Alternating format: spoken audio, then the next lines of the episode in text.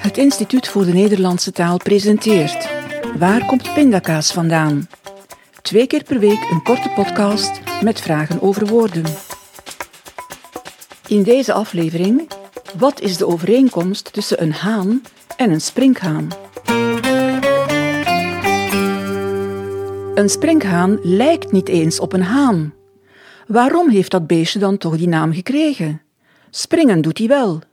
Waar komt die K dan vandaan? Zou hij niet eerder springhaan moeten heten? Het woord sprinkhaan is namelijk wel een combinatie van springen en haan. Er is dus toch iets waarin sprinkhanen en hanen op elkaar lijken. De overeenkomst zit in de manier waarop ze zich voortbewegen. Ze maken beide schokkende, springende bewegingen. Dat is waarschijnlijk de reden dat het insect is vernoemd naar de mannetjeskip. Dan die K in sprinkhaan. Die heeft te maken met een verouderde uitspraak van de G.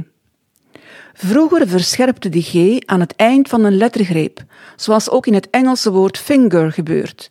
Dat je dus niet als finger uitspreekt, maar als finger. In sprinkhaan is die verscherpte klank uiteindelijk dus een K geworden, net zoals in het woord koninkrijk. Wat nog wel een grappige toevoeging is, oorspronkelijk betekende het Nederlandse woord haan zanger. En ook in andere talen is haan afgeleid van zingen, zoals in het Russisch en het Litouws.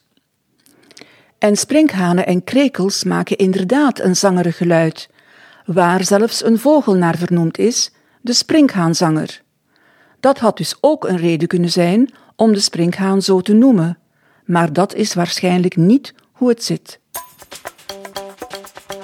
Ook al lijken ze niet op elkaar, het is dus toch die schokkende, springende beweging van een mannetjeskip waar de sprinkhaan vermoedelijk naar vernoemd is.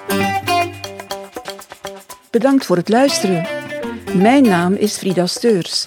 Ik ben de directeur van het Instituut voor de Nederlandse Taal.